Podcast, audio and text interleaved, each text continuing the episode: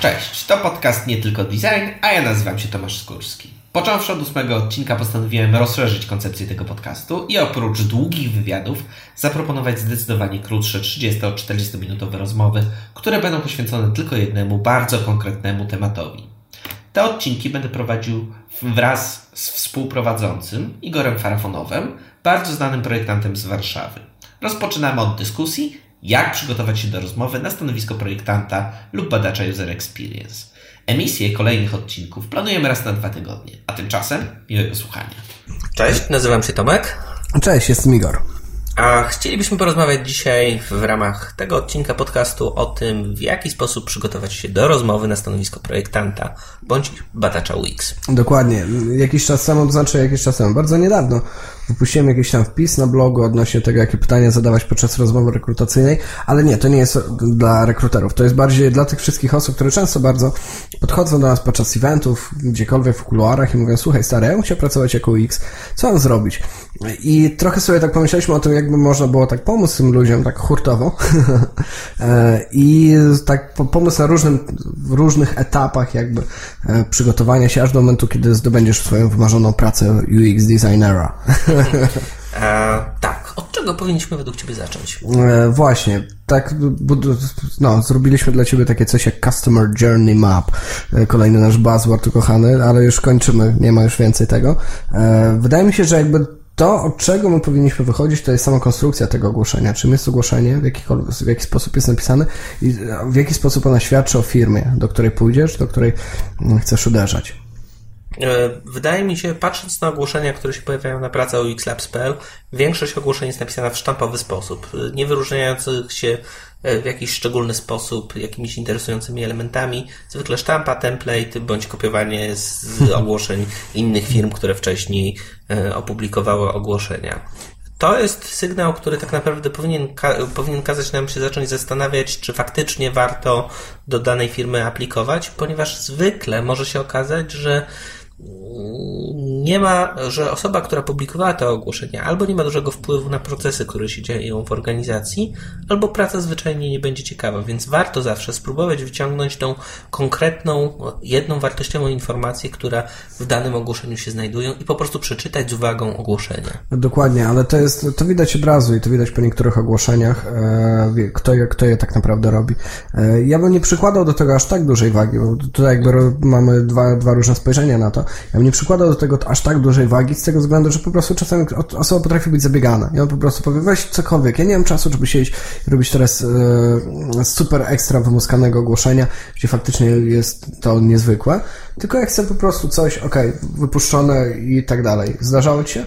E, nie kupuję tego argumentu. E, rekrutacja jest jednym z najważniejszych procesów w życiu Twojego działu bądź Twojej firmy i jeśli to spieprzysz jako kierownik projektu, kierownik działu, e, to jest bardzo wysoka szansa, że przyjdą do ciebie przeciętne bądź zwykłe osoby, e, albo po prostu nie zrealizujesz celu rekrutacji, czyli nie zatrudnisz kogokolwiek. Więc wydaje mi się też, że to jest jakiś hint też dla pracodawców, żeby poświęcili jednak odrobinę czasu i zastanowili się, kogo tak naprawdę chcą zatrudnić i jakie są realne potrzeby organizacji w danym momencie, a nie lecenie template'ami. Broniąc się delikatnie, ja zawsze sam pisałem ogłoszenie i zawsze było fajnie, więc tak, tak. Ja, za, ja, za, ja zawsze obiecuję krew pod łzy i to też się zawsze sprawdza. O, ja zawsze obiecuję w drugą stronę niż korki.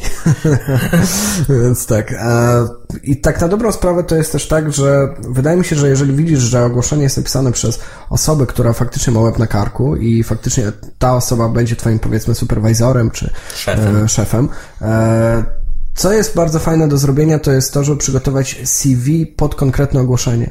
I to jest niesamowita sprawa. Nawet, nie wiem, nawet najgłupszą rzecz, żeby faktycznie w, w, wrzucić nazwę firmy w ogłoszenie. Często jak na przykład dostaję maile z różnych firm, nawet niech to będą cold maile od handlowca, który mówi, cześć Igor, wiemy jak wam pomóc, mamy jakieś fajne rozwiązanie w, dla Uxerii i dla waszych klientów na przykład, to w tym momencie pomimo tego, że ja widzę, że to jest template, to pomimo to ja, rzuca mi się to od razu w oczy. Jest to coś, co sprawia, że przykuwa mój wzrok i To jest fajna rzecz, żeby to wrzucić. I nie mówię tutaj o tylko i wyłącznie personalizacji na tym poziomie, ale faktycznie wyciągnąć, kogo ta firma może potrzebować. Jeżeli to jest bank, to być może będą potrzebować pewnych cech, które są e, związane z samoorganizacją, z e, prowadzeniem symultanicznie wielu projektów i tak dalej, i tak. Z dyskrecją, uporządkowaniem, umiejętności politycznego wyrażania się, bo zupełnie inaczej komunikujesz się w obrębie startupu, zupełnie inaczej robisz to w środowisku korporacyjnym, zupełnie inaczej robisz to w administracji y, Tak, w administracji albo w agencji interaktywnej, tak, które, tak. gdzie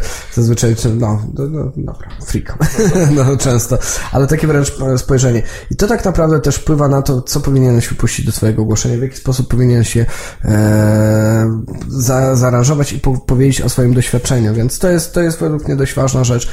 E, I to na pewno może wyróżnić się na tle innych, pokazać, że okej, okay, ja jestem kimś innym niezwykłym i bo większość tych CV to niestety leci z szablonu. Więc wyciąganie też y, doświadczenia bądź y, jakiejś wiedzy na temat branży bądź projektów, które realizowaliśmy na ich rzecz, bądź w tym obszarze. Dokładnie, dokładnie. Zgadzamy się. Dobra. Full agreement. List motywacyjny, tak czy nie? E, jeżeli, I teraz tak, jeżeli jest Według mnie, jeżeli jest e, ogłoszenie napisane przez kogoś, kto sobie ogarnia i kto, kto e, naprawdę poświęcił trochę czasu, żeby to przygotować, to ogłoszenie, a to od razu widać, to jest charakterystyczne i jest prośba o to, żeby wrzucić e, list motywacyjny jak najbardziej i on musi być naprawdę fajnie napisany. To nie może być po prostu tak, że ja uważam, że jestem osobą doskonale pasującą do tej roli, bo jestem taki, taki, tak.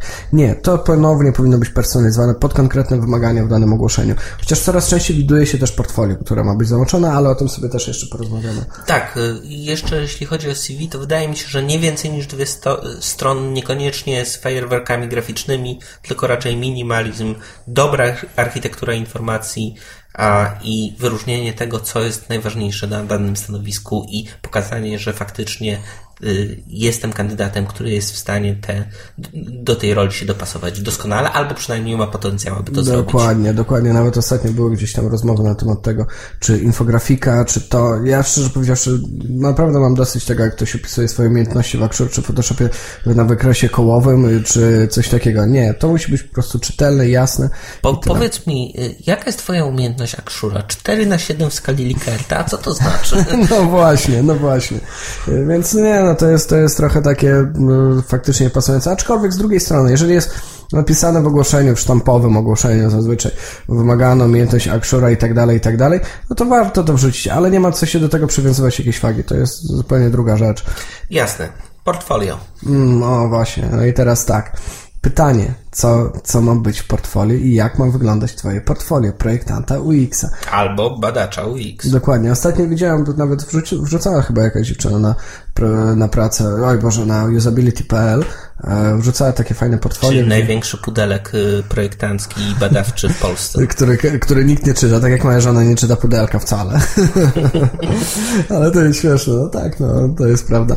E, wrzucała swoje portfolio i słuchaj, nawet przyjrzałem je, odpadłem, bo tam TLDR, e, ale tam naprawdę no, taki pokazywała sposób dochodzenia do różnych rozwiązań i tak dalej. Czy jesteś za tym, żeby portfolio to było stricte po prostu, jak wygląda to, co ty zrobiłeś ostatecznie, czy to powinno być właśnie w jaki sposób, w jaki ty dochodziłeś do Sposób, w jaki dochodziłem, bo nie oczekuję, że będą fajerwerki bądź będą wybitne rzeczy, mhm. natomiast y, bardziej mi zależy, żeby nawet na etapie projektu w, postaci prostych notatek, które, być, nie wiem, jeśli to są makiety w Akrzu, żeby to były wyłączane z jakimś switchem, mhm. przełącznikiem y, notatki, co robiłem, jak to wyglądało, jak wyglądało moje myślenie, jak wyglądały ograniczenia, gdzie pojawiły się problemy, dlaczego to zostało rozwiązane w taki sposób, albo że na przykład były takie wymagania biznesowe, mm. prawne i tak dalej, i tak dalej. Ale powiem Ci szczerze powiedziawszy, ja bym nie zagłębiał się zupełnie w taką literaturę, jak, jakby oglądając takie CV, wola, wolałbym porozmawiać z tą osobą o tym.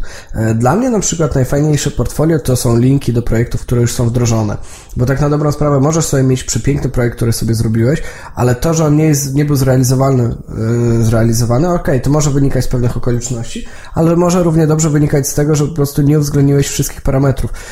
Jak na przykład miałem case e, koleżanki, która robiła portal i oparła się, że mają być zdjęcia 16 na 9, a redaktorzy mówili, nie, mamy 4 na 3, a ona się oparła. I redaktorzy poszli w zaparte i wszystkie zdjęcia były 4 na 3 przeskalowane na 16 na 9. Co nie mogło siłą rzeczy dobrze wyglądać. Dokładnie.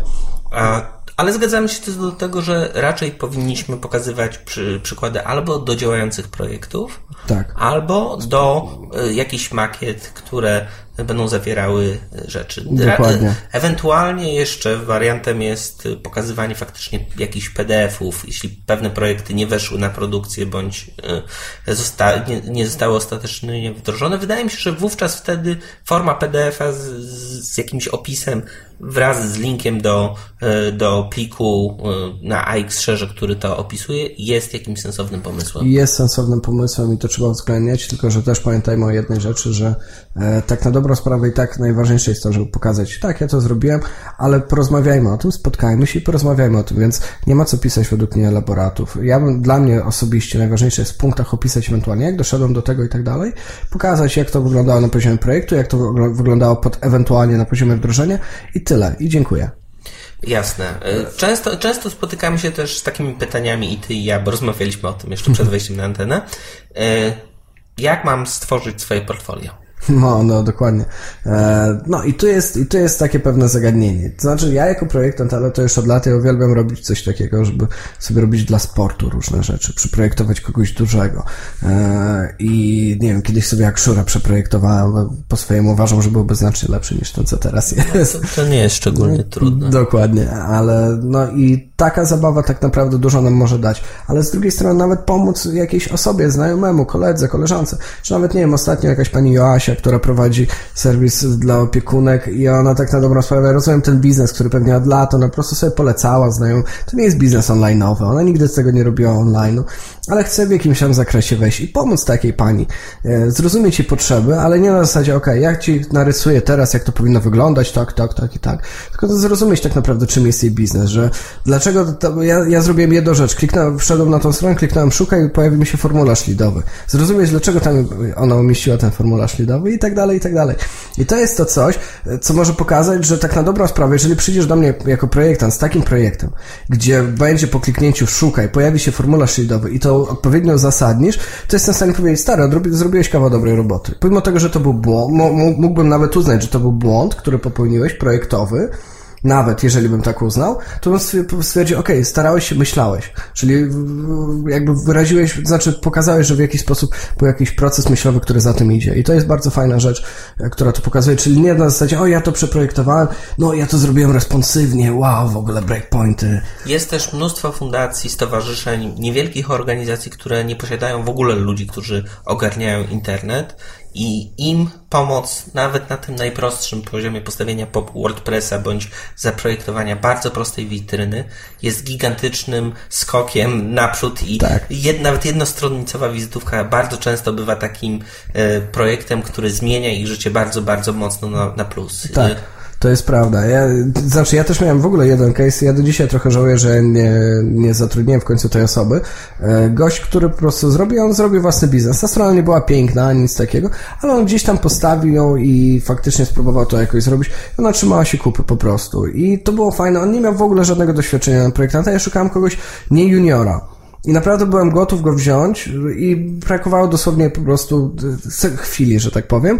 I faktycznie ta osoba by z nami teraz pracowała, ale to jest też to coś e, i tak na dobrą sprawę w innych okolicznościach równie dobrze mógłby wejść i to wcale nie junior i wcale nie za pieniądze dla juniora, co jest też ważne. Dobra. Też kolejne bolesne pytanie NDA. O, Co z właśnie. projektami, które mają NDA? No i tutaj wydaje mi się, my też o tym rozmawialiśmy przed chwilą też w, pa, w paru słowach. Mamy trochę, wydaje mi się, trochę mismasz, bo ja na przykład uważam, że jeżeli jest NDA, to nie powinniśmy pokazywać w ogóle tych projektów, ponieważ to jest cała praca autorska, prawa autorskie, które przekazujesz firmie. Oczywiście wszystko zależy od tego, jak jest skonstruowana umowa, ale w większości przypadków to jest tak, że całe dzieło, które wykonujesz w trakcie realizacji współpracy, e, przekazujesz wszelkie prawa autorskie do tych dzieł. Spotkałem się z tym, że ktoś usuwał logo, usuwał branding całkowicie i faktycznie to prezentował na zasadzie Tak. takiej bardzo I, i, ogólnej. I powiem Ci, że na tym ogólnym poziomie ja akceptuję tego typu prezentowanie portfolio. Ja też akceptuję, aczkolwiek, tak jak mówię, zawsze może się pojawić pewien bardzo skrupulatny mecenas, który w pewnym momencie do ciebie odezwie się z szablonem pisma, które ma na celu zastraszenie ciebie. Zgadza się, natomiast to są tylko i wyłącznie rozmowy kwalifikacyjne i pamiętaj też, że cały czas y, są niezbywalne prawa autorskie, które umożliwiają Ci prezentowanie swojego dzieła. A co, a właśnie, ja też o tym ostatnio myślałem, bo akurat dla mnie to nie robi różnicy, ale co by było, jeżeli, co by było, jeżeli faktycznie ty wrzucasz e, taki projekt i, to, i czy nie, nie obawiasz się tego, że ta osoba powie, okej, no ale to widać, że dla kogo to realizował, ale to ja się, to teraz ja bym, biorąc tą osobę, ja będę miał coś takiego, że co, on kolejnej osobie wyślę te projekty, które dla mnie robił, mm, kolejnej firmie, gdzie będzie pracować. Wiesz co, tak naprawdę tutaj najbardziej bym oczekiwał inteligentnego ogrania tego, pro, Mhm. tego problemu, czyli na przykład wrzucenia tylko jednej, najbardziej bogatej w interakcje czy w elementy widoku z opisem, co zrobiłem w obrębie tego projektu. I Dokładnie. wydaje mi się, że to jest chyba najbezpieczniejsze i najmniej etycznie kłopotliwe, e, kłopotliwa wątpliwość. Dokładnie. Ale przejdźmy dalej. Wysłaliśmy, zostaliśmy zaproszeni. Rozmowa HR-owa to jest zwykle rozmowa, gdzie są sprawdzane podstawowe kompetencje. Jeśli nie ma na niej superwizora bądź osoby, z którą docelowo będziemy rozmawiać, no wiadomo, trzeba tutaj zachować odpowiedni poziom i odpowiednią empatię. To też pozwala zwykle na orient- zorientowanie się, jakie oczekiwania e, prezentuje firma i czy faktycznie my chcemy też w tej firmie pracować. Tak jest, ale powiem Ci szczerze, że ja bym e, nie bagatelizował tej rozmowy z tego względu, że ja sam byłem świadkiem tego, jak osoba była cofnięta mimo pełnej szczerej chęci przełożonego, była cofnięta tylko i wyłącznie dlatego, że e, HR-owiec powiedział, no wiesz co, tak, on bardzo chętnie by przyszedł, ale jakby dostał inną propozycję, to pewnie od razu by uciekł. No tak mi wyszło z moich pewnych przemyśleń i z moich obaw. Pomimo tego, że no, widziałem dokładnie tę osobę, znaczy wiem, wiem dokładnie, kto to, co to była za osoba. Ja wtedy bezpośrednio nie prowadziłem tej rekrutacji, ale wiem dokładnie, co to była za osoba i wiem, że tak by nie było, ale HR-owiec po prostu potrafi czasem zrobić cofkę. Pytanie, jaka, jak duża jest siła HR-owca w organizacji. Ważne jest też to, czy na spotkanie, pierwsze spotkanie przychodzisz do samego HR-owca, czy przychodzisz do przełożonego. No bo to też świadczy o tym, jaka też jest poniekąd ta struktura rekrutacji e, w ramach firmy. E, Zazwyczaj to jest tak, że ranga HR-owca jest mniejsza, gdy najpierw spotykasz się z przełożonym, e, ewentualnie z przełożonym w towarzystwie HR-owca, niż w drugim stopniu. Wtedy to trzeba faktycznie iść na ten ich cały bullshit, typu jak, czy jakim zwierzęciem chciałbyś być. A tak, albo dlaczego, dlaczego studzienki kanalizacyjne mają okrągłe, a nie prostokątne otwory. dokładnie, dokładnie. Tak, jedno z moich ukochanych pytań na, na, na rekrutację. dokładnie. Z, swoją drogą, w jednej z firm, do których aplikowałem na stanowisko product ownera, e, musiałem doświadczyć zaświadczenia o niekaralności, co mnie wyjątkowo rozczuliło. O, słodkie. Ale, to- ale to akurat był duży koncern farmaceutyczny i pracowaliśmy w fabryce, więc powiedzmy, okej. że było to jakoś tam uzasadnione. Ale nie żadnych psychotropów tam nie produkowali. No właśnie, no ale w każdym razie e, i wymyślmy coś. Bądźmy gotowi, te pytania są sztampowe. Wymyślmy coś, jak pójdziemy do agencji, wiadomo, że to będą bardziej frikowe rzeczy. Jeżeli pójdziemy do normalnej firmy, do banku, wiadomo, że to będą normalne, typu jakie są twoje e, trzy cechy, które w sobie kochasz i nienawidzisz. To są sztampowe pytania. na Gdzie chce być pan za 5 lat? Tak, dokładnie. Gdzie, to znaczy, wydaje mi się inaczej. Ja jestem pewien. O, nie, nie, nie, nie, nie. Przepraszam. Gdzie pan chce być za 5 lat? Według mnie jest zupełnie innym typem pytania. E, I ja sam często zadawałem to pytanie, bo to jest trochę tak, że jeżeli ja zatrudniam kogoś, to chcę widzieć, gdzie on będzie, gdzie, do, dokąd on chce zmierzać i chcę wiedzieć, czy ja zapewnię tej osoby, tej osobie pełne możliwości do tego, żeby e, realizowała się. Bo najgorsze to jest zatrudnić kogoś, kto nie będzie e, kto w pewnym momencie odczuje, że on nie idzie w dobrym kierunku w swoim e, rozwoju zawodowym. I dla mnie to pytanie naprawdę ma duże znaczenie. Ja bardzo poważnie do niego podchodzę. Ale to, ale Igor, to ty podchodzisz do niego. Natomiast Tak. bardzo często trzeba wymyślić inteligentną i sprytną odpowiedź, która pokazuje z jednej strony twoją empatię i ambicję, a z drugiej strony pokazuje twój realizm i umiejętność wpasowania się w szary tłum. Dokładnie, to jest to. A z drugiej, i też tylko powiem na jedną drobną rzecz, taką obronę. To jest to, że w momencie, kiedy ja po, ta, po odpowiedzi widzę, że byłby drobny mismatch, to ja od razu mówię tej osobie, więc daj jeszcze teoretycznie pole manewru, żeby ta osoba wycofała się i powiedziała, dobra, stary, ja tak strzeliłem, bo tak było napisane w książce. Dobra, przejdźmy do. Załóżmy, że rozmowa z szefem zakoń, z HR-em zakończyła się sukcesem. E, i rozmawiasz z osobą, z którą będziesz bezpośrednio pracować, bądź która będzie szefem Twojego zespołu. Dokładnie. Jako UX powinieneś przede wszystkim, według mnie, pokazać nie, że jesteś grafikiem, to znaczy inaczej. Ja jako osoba, która rekrutuje, czy ty jako osoba, czy wydaje mi się, każdy z nas, kto rekrutuje, ma jedną ważną rzecz. Ja muszę wyróżnić grafików od ludzi, którzy e, podchodzą do założeń na zasadzie definiowania problemów, definiowania pytań. To, co jest, tak jak gdzieś, dzisiaj widziałem gdzieś koszulkę z IT, że tak naprawdę chodzi o postawienie odpowiednich pytań. Projektowanie to jest dokładnie to samo.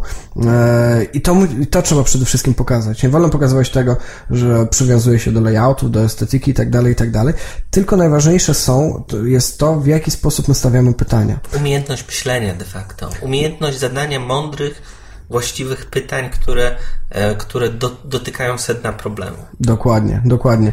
I tak na dobrą sprawę próbowanie zrozumienia, o co, te, o co tam na, do, do, końca chodzi, ale tu już nie, wydaje mi się, że e, to bardzo dobrze widać i to widać też po tych moich pytaniach, które ja zadaję. Część osób powiedziała, ok, a ja chciał zobaczyć odpowiedzi. Nie ma na to odpowiedzi tak naprawdę w większości, tak jak z tymi kolorami. Z to jest, kolorami. To, było, to jest piękny przykład tego, że nie ma odpowiedzi, a tak na dobrą sprawę, ja też słyszałem kiedyś o sobie, zresztą wiem, co to jest za osoba, ale nie będę wymieniać z nazwiska, pozdrawiam. E, taka jedna osoba ze starych wygów, która która pracowała w dużym koncernie, to dużej firmie medialnej w Polsce i ona zawsze mówiła, powoływała się na spotkaniach na standardy niebieskiej księgi. I pytali się, a dlaczego w taki sposób? No tak, mówią, księga, niebieska księga standardów. Ja to słyszałem z drugiej ręki. E, I na koniec dnia kiedyś zapytali się, no ale okej, okay, gdzie jest ta księga, niebieska księga standardów? A nie ma, no ja to sobie wymyśliłem, już odchodził.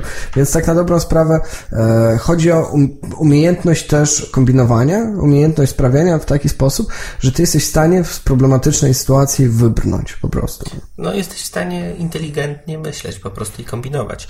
A, ale to nas prowadzi właśnie, bo widzisz, ja na przykład staram się zadawać pytania, e, jaki jest Twój idealny produkt? Jakie jest Twoje najdoskonalsze doświadczenie? Pytaniem, które wyjątkowo lubię. Uważam... Nie chciałbym być u Ciebie na rekrutacji. Zapraszam.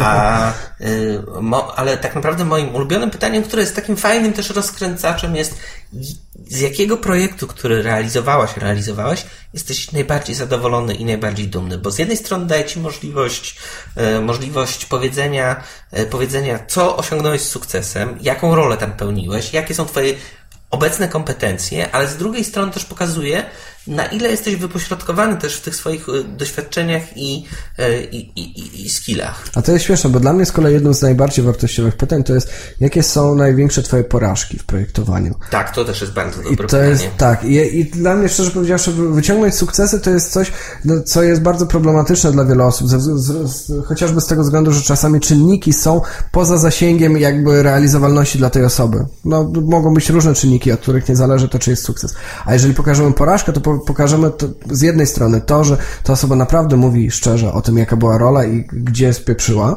a z drugiej strony dowiadujemy się, czy ta osoba czegoś się nauczyła z tego. I czy wykazuje refleksję i czy myśli o tym, co tak naprawdę zrobiła źle, i jak wyglądała kwestia jego, jego bądź jej ego i czy była w stanie zaakceptować to, że ona coś zrobiła źle, a nie, że to wszyscy inni wokoło byli odpowiedzialni dokładnie, za jej błąd. Dokładnie. Ja na przykład, jakbym miał ja powiedzieć o moim najwi- moich największych porażkach, to były wszystkie takie, gdzie wymyśliłem coś, co było ciężkie do zrealizowania. Po prostu. Co, co, nie było, co można było zrobić szybciej. I o to chodzi też, no, no więc tak mniej więcej. E, ale po, potrafi też być inna rzecz. Ja bym tutaj jedną rzecz postawił. Nie bój się stresu. Nie bój się tego, że jesteś zestresowany, zestresowana, bo to jest tak, że e, wiadomo, że z jednej strony ktoś może powiedzieć, o, to, to, to, to takie sytuacje będziesz miał na co dzień, ale to nie jest prawda. Ludzie to wydaje mi się rozumieją, że ten poziom stresu na rozmowie rekrutacyjnej, gdzie ważą się twoje losy e, i twoje przyszłości, tak na dobrą sprawę w pewien sposób, przynajmniej na najbliższy jakiś okres niedługi czasu, e, to jednak to jest co innego niż to, że będziesz bronić swój projekt. Więc ja bym się nie bał tego, że faktycznie będziesz zestresowana.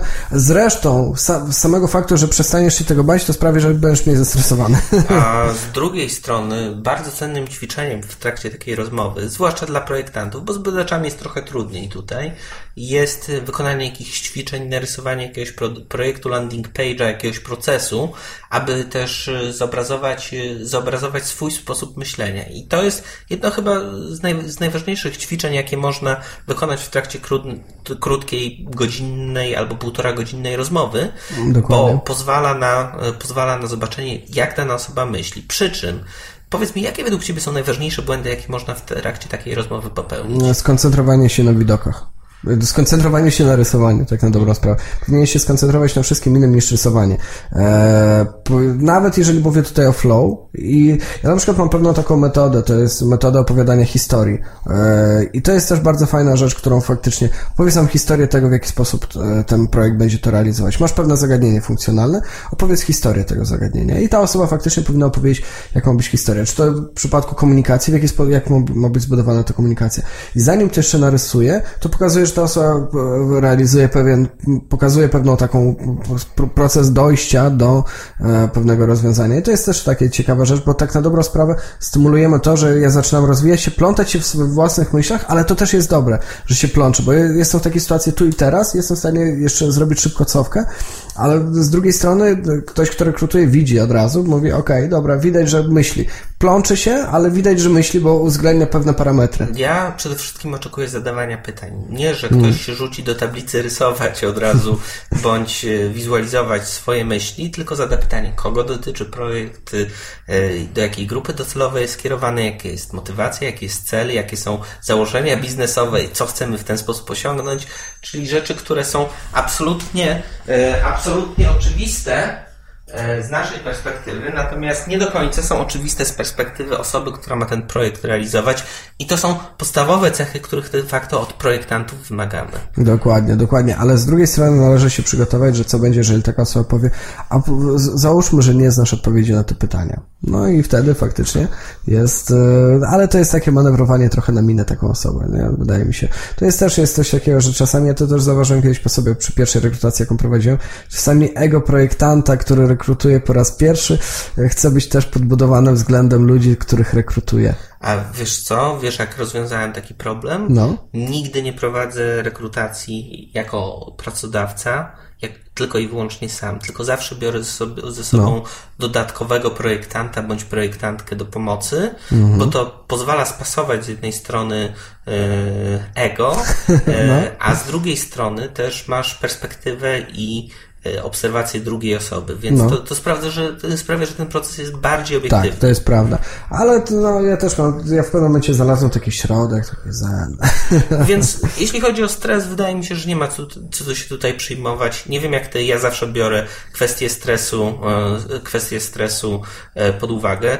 Jedna z projektantek, którą zatrudniłem mniej więcej rok temu, strasznie się stresowała. Pozdrawiamy, bo pewnie słucha. Agata, pozdrawiamy położyła kompletnie rozmowę kwalifikacyjną, natomiast na etapie właśnie projektowania i rysowania po prostu pokazała tyle, że wiedzieliśmy, że chcemy z nią pracować. No, I, dokładnie. I, I, więc kwestia stresu, okej, okay, może być problemem, Natomiast jeśli nie ta firma w ostateczności, to nie inna, więc nie ma co się tym e, Dokładnie. nadmiernie przejmować. Zadanie domowe, tak no. czy nie? E, nie? Nie przed pierwszą rozmową. Pamiętam kiedyś dawno czytałem wpis Marka Kasperskiego niego na blogu. E, zresztą Marka też pozdrawiamy. E. Jak jeszcze pisał? no, za czasu do czasu mu się zdarza. E, jeszcze. Kiedyś, tak. No, no w każdym razie... Próbuję Marka zaprosić. No właśnie. E, I pamiętam, on też mówił, że na, na początku początku dawał zawsze to zadanie. Ja uważam, że to jest bardzo słaby, słaby pomysł. Nawet nie wiemy, co to za osoba, nie wiemy, czy ta osoba w ogóle chce z nami pracować. I to wydaje mi się trochę jest nie fair, że trochę stawiamy się w takiej pozycji wygranego. Kiedyś to może było ok, no bo wtedy pracodawcy mogli sobie, to znaczy inaczej, tych ogłoszeń w ogóle na OX było niewiele. Niewiele osób zajmowało się tym. I tak to było. Teraz ja bym, ja bym w ogóle nie szedł w zadania przed, przed spotkaniem. Uważam, że to jest nie fair, ale po pierwszym spotkaniu dodatkowe zadanie, które ma zweryfikować. Jeśli pewne... nie jesteśmy przekonani, przekonani, bądź jeśli portfolio tego nie potwierdza, to tak. Tak. Natomiast też to jest praca chłonna z jednej strony dla potencjalnego pracownika, e, z drugiej Natomiast jeżeli już jest zadanie, według mnie najważniejsze jest to, żeby zmieścić się w terminie. Tak, e, I deadline, deadline jest totalnie. Peł, peł, pełna zgoda. Tak naprawdę nawet nie oczekuję jakości rozwiązania tak, tutaj, tylko, tylko tego, żeby zmieścił się, się w terminie. Dokładnie. Jedną, jedną z ostatni, w jednej z ostatnich rekrutacji dostałem, dostałem odpowiedź 4 godziny po terminie, no. ale to była czwarta nad ranem, więc doszedłem do wniosku, że to jest dla mnie też przykładem poświęcenia i Mhm. jakiegoś takiego, wiesz, dociśnięcia, tylko po to, żeby dostarczyć przed ósmą rano y, na, na termin konkretny Dokładnie, ale z drugiej strony ja jestem też za tym, żeby w ogóle, jeżeli już dawać takie zadanie, żeby było totalnie abstra- abstrakcyjne i żeby w ogóle nie było w temacie naszego biznesu. E, Bo to produkt. jest. Z etycznych powodów. No, Zgadzam, etycznych. zgadzam, się z tym. Ja jeszcze też staram się myśleć o tym w ten sposób, żeby nie zajmowało więcej niż 12 godzin. Dokładnie. Żeby, że- żeby to też nie było coś, żeby ktoś się nie czuł okradziony z czasu, który, Tak. e, który Ale to też pamiętajmy przy tym zawsze, jeżeli e, często ja, no, ja, za- znaczy ja zawsze jak dawałem zadanie, to zawsze wyceń ile czasu tobie zajmie realizacja. I to, i to jest faktycznie coś, co już mi nam daje pewien obraz. Nie bagatelizujmy tego, gdy takie, co, taką informację otrzymujemy. Jasne. E, No i podstawowe chyba pytanie, które się pojawia na wszystkich e, rekrutacjach z jednej strony, z drugiej pytania, które bardzo często za- za- zadają młodzi, zwłaszcza młodzi projektanci, czyli dyskusja na temat wynagrodzenia. Zanim jeszcze o wynagrodzeniach, ja musiałem już jeden szybki temat. A co jest e, z tematem pytań od osoby? Jakie pytania według Ciebie powinna zadać taka osoba, e, która po pierwszym spotkaniu, bo O, o, o, o, trochę kota ogonem mm, odwrócę. Y, Od osoby, która przychodzi na spotkanie, oczeku, oczekuje, że będzie wiedziała, czym się zajmuje firma, jakie są podstawowe produkty, jakie są podstawowe usługi, kim ja jestem, czym się mniej więcej zajmuję i jakieś tam tematy, które wiadomo, że można ze mną, ze mną poruszyć. To nie jest kwestia ego, tylko to jest e, kwestia zdrowego rozsądku. Miałem, nie wiem, mniej więcej rok temu taką sytuację, że ktoś przyszedł do mnie na rozmowę kwalifikacyjną i powiedział, hmm, nie, w zasadzie to nie, to teraz ja Państwu pokażę prezentację na mój temat. Pomyślałem sobie, o, super, gość chce złamać schemat. Po czym pierwszy slajd jego prezentacji na swój temat dotyczył, cytuję, co to jest usability? Fuck. Czyli jak, jak zacząć naprawdę dobry, No. do, dobry sposób na z, No. zaprezentowanie siebie. Dokładnie. Ale właśnie odnośnie tych pytań, bo, bo to jest zawsze, na- nachodzi taki moment na koniec, kiedy my pytamy się, ok, czy ma pan jakieś pytania? I w tym momencie, co jest dla mnie na przykład fajnym pytaniem, które, i co, co to pytanie znaczy o sobie? Według mnie jednym z głównych pytań, które powinno paść, to jest to, e, wiadomo jakie będą moje role i tak dalej, ale to powinno wyjść z samego ogłoszenia i to powinna ta osoba wiedzieć. Takie rzeczy, takie techniczne, one nie mają według mnie takiej dużej wartości, czyli, a proszę mi powiedzieć, jakimi projektami będę się zajmował, a jak, jak duży jest wasz zespół? No okej, no dobra, no to, to są takie sztampowe pytania. Ja, ja staram się tego typu problem e, E, o, to ogarnąć tak, poprzez, poprzez prezentowanie Tak. e, prze, przed jeszcze rozmową albo po rozmowie, pokazując jak wygląda moje środowisko pracy. Tak, dokładnie, ale to jest też ważne, że re rekrutując, niezależnie od tego, czy wiemy, czy zatrudnimy, czy nie, musimy zrobić niesamowitą, zajebistą reklamę naszej firmy. To jest ogólna zasada, ale to jest też tak, że e, dla mnie na przykład bardzo fajnym pytaniem jest to, że ktoś mówi, ok, ale jakie są możliwości w ogóle awansu i co będzie, jeżeli faktycznie to się będzie tutaj coś fajnego wychodzić. To jest fajna rzecz, bo to pokazuje, że ta osoba faktycznie nie przychodzi tutaj po to, żeby przysiedzieć 9 to 5, tylko faktycznie chce coś osiągnąć, prawda? Albo jakie stawiacie sobie na przykład główne strategiczne cele w kontekście, ale to wiadomo, że to już jest takie trochę... Albo w, jak, y, w jaki sposób firma może w edukacji na przykład. Dokładnie. W rozwoju i też. y, Dokładnie, dokładnie. Więc, więc to są, to są fajne rzeczy, które mogą być. I tutaj warto coś wymyślić. Warto według mnie pod rozmowę mieć jedno, dwa pytania, które będą takie mega, mega ciekawe yy, i nie będą takie sztampowe typu, a ile osób pracuje w zespole? Albo czym się zajmuje Państwa firma. No nie, nie, nie, nie. Nie, ale to ale to jest klasyk, to jest wbrew pozorom Tak? klasyk. nie, tak. nie, nie. Znaczy ja miałem, tak, ale to nie na projektanta, ja miałem tak na key accounta, nie? Ale to tam jest masówka. Zresztą to jest gorsze, wiesz mi, Boże, key account to jest najgorsza rekrutacja w moim życiu. Pyta, pytanie o wynagrodzenie. Pytania o wynagrodzenia, no właśnie. No, e, Najbardziej się śmieję z tego, jak ludzie starają się czasem odbić pałeczkę. A ja- jakie, jakie wynagrodzenie, znaczy, jak, jakie są Państwa mniej więcej budżet na to stanowisko, na pozycję? Znaczy, ja, ja, ja, ja zacznę trochę przewrotnie. Mhm. Uważam, że powinniśmy dążyć do lepszych standardów w naszej branży. Jeśli nie jesteśmy w stanie tego osiągnąć dla całego polskiego rynku yy, związanego z zatrudnieniem, powinniśmy chociaż w tej naszej niewielkiej niszy, jaką jest branża specjalistów i badaczy yy, user experience, powinniśmy dążyć do tego, żeby przynajmniej część yy, część e, stanowisk miała jawne widełki wynagrodzenia. Ale wiesz co, trochę do tego dążymy, między innymi twoim badaniem. To jest tak, że wiadomo ile mniej więcej powinien zarabiać senior, w jakich Widełki w treści miejscowościach. oferty, to mam na myśli. A, w treści oferty, W oj treści tak, no oferty. to, to było piękne, ale to, to też pokazuje, no to też Znaczy, pokazuje ja, ja, pewną ja, ja, na, dojrzałość. pra- ja na pracę u xlabs.pl głównie, Zawsze piszesz. y, głównie promuję oferty i one Mhm. mają pierwszeństwo i są wyróżnione w serwisie, jeśli posiadają widełki wynagrodzenia. To jest Dokładnie. Mhm. jakaś tak nagroda też, że są przejrzyste, bo to bardzo uczciwie pozwala nam stwierdzić, czy chcemy w danej firmie pracować, czy nie tak. i oszczędza czas po obydwu stronach. Ja pamiętam chyba w 2010 Robert Drosp wrzucił ogłoszenie e-pointa i mówi po raz pierwszy widać widełki, to całkiem przyzwoite. Tak, Pan, pan, Tak, pan, pamiętasz pamiętam ten wpis? jak najbardziej. Tak, tak, No tak, tak. dokładnie, ja pamiętam wtedy też myślałem. No ale w każdym razie e, no i tak, no i według mnie, szczerze powiedziawszy, pytanie jest, ja zawsze miałem z tym problem, bo pytanie jest takie, czy na przykład faktycznie, jeżeli ktoś powie za dużo, ja akurat jestem takim typem osoby, która zawsze mówi, stary, ja byłem mega bezpośrednie, stary, wiesz co, my nie mamy takiego budżetu. Mamy tyle. Czy za to jesteś w stanie przyjść? Jeżeli ja wiem, że tą osobę ostatecznie zatrudnię, jeżeli chcę ją zatrudnić. Ja, ja z kolei też stosuję narrację, nie bawi mnie ping-pongowanie. Powiedz mi, ile ty chcesz zarabiać maksymalnie, a Mhm. ja powiem ci, czy nas na to stać, czy nie. Dokładnie. Z drugiej strony te badania, które robimy razem z Asią Kwiatkowską i w tym roku również z Michałem Aleksandrem, moim zdaniem to poglądowo daje nam jakąś informację, ile na danym stanowisku można zarobić, więc... Powołuj się na to. I to jest bardzo ważne.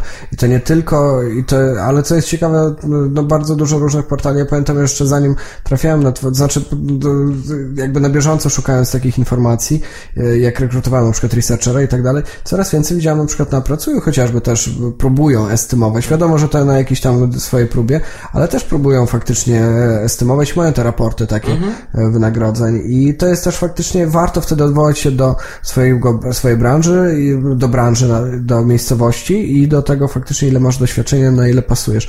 I być realnym w tym wypadku. Czyli żeby to nie było, że tak sobie z głowy powiem, a ja chcę dwie dychy zarabiać na rękę. Dwie dychy to ja bym chciał zarabiać na rękę. E, e, I tutaj dążymy do innego tematu, dlaczego projektanci zarabiają mniej niż PHP-owcy. E, Tak, ale o tym akurat nie chcę teraz rozmawiać. Natomiast jeśli chodzi o wynagrodzenia, to ewidentnie jest rozróżnienie i o tym warto wspomnieć pomiędzy Warszawą a pozostałymi e, miastami. Mediana wynagrodzeń w Warszawie jest mniej więcej o tysiąc, półtora tysiąca e, wyższa w stosunku do pozostałych miast, więc należy zawsze brać to e, pod uwagę. Dokładnie, dokładnie, ale to jest nie tylko w tym. Jednym z pierwszych moich pomysłów w serii to było przenieśmy do Lublina dział IT.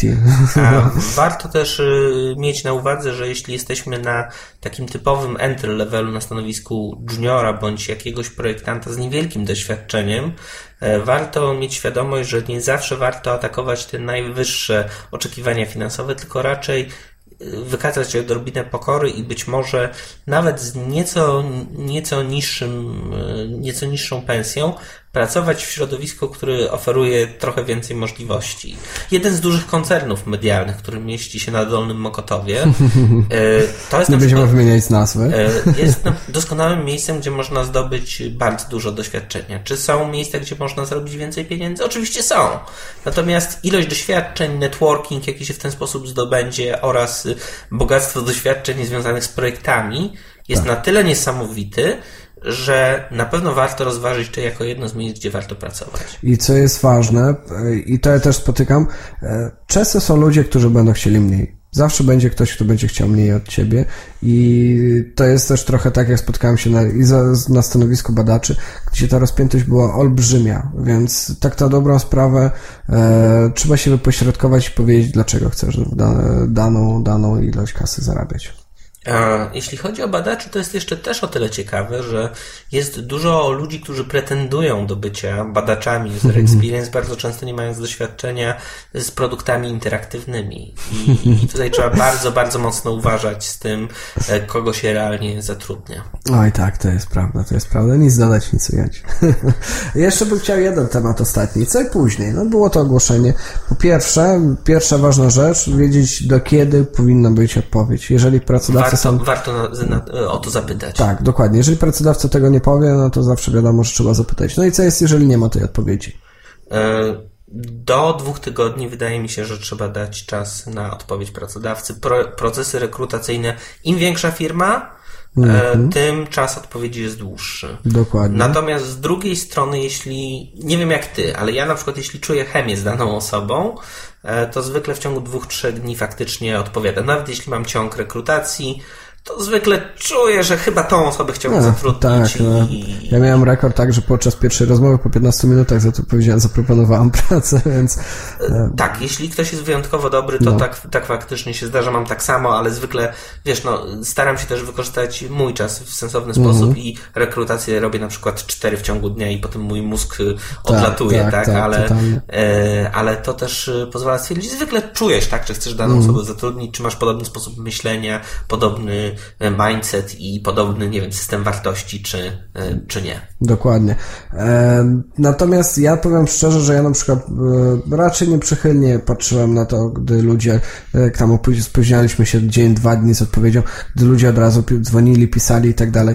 Jakoś to mi nie do końca przypasowało. Natomiast faktycznie też warto mieć świadomość, że jeśli pracodawca, potencjalny pracodawca spóźnia się z odpowiedzią, bądź po prostu olewa cię, to też raczej nie jest firma, w której chciałbyś pracować. Po Dokładnie. prostu. I mówię to nawet pod kątem tego, że nawet ja tak robiłem, ale to traktuję jako jeden z moich błędów. E, dokładnie, więc y, nie ma co też żałować, bądź czuć się źle z tego powodu, tylko po prostu aplikować do kolejnego tak miejsca pracy. Ja na koniec chciałbym jeszcze dodać tylko jedną rzecz, tak chyba wydaje mi się, że wyczerpaliśmy temat, tylko chciałbym e, słowem podsumowania e, też odnośnie tego, jaki jest kształt tej i formuła tej naszej rozmowy. My nie, nie, nie, nie jesteśmy jakimiś, wydaje mi się przynajmniej, ja nie czuję się, wydaje mi się, że to też jakimiś wielcy, wielkimi ekspertami, którzy są po prostu HR-owymi wygami i są mega w tym doświadczeni. My jesteśmy po prostu projektanci, którzy swego czasu prowadzili rekrutację. Dwie, trzy, cztery, pięć 10, tak dalej.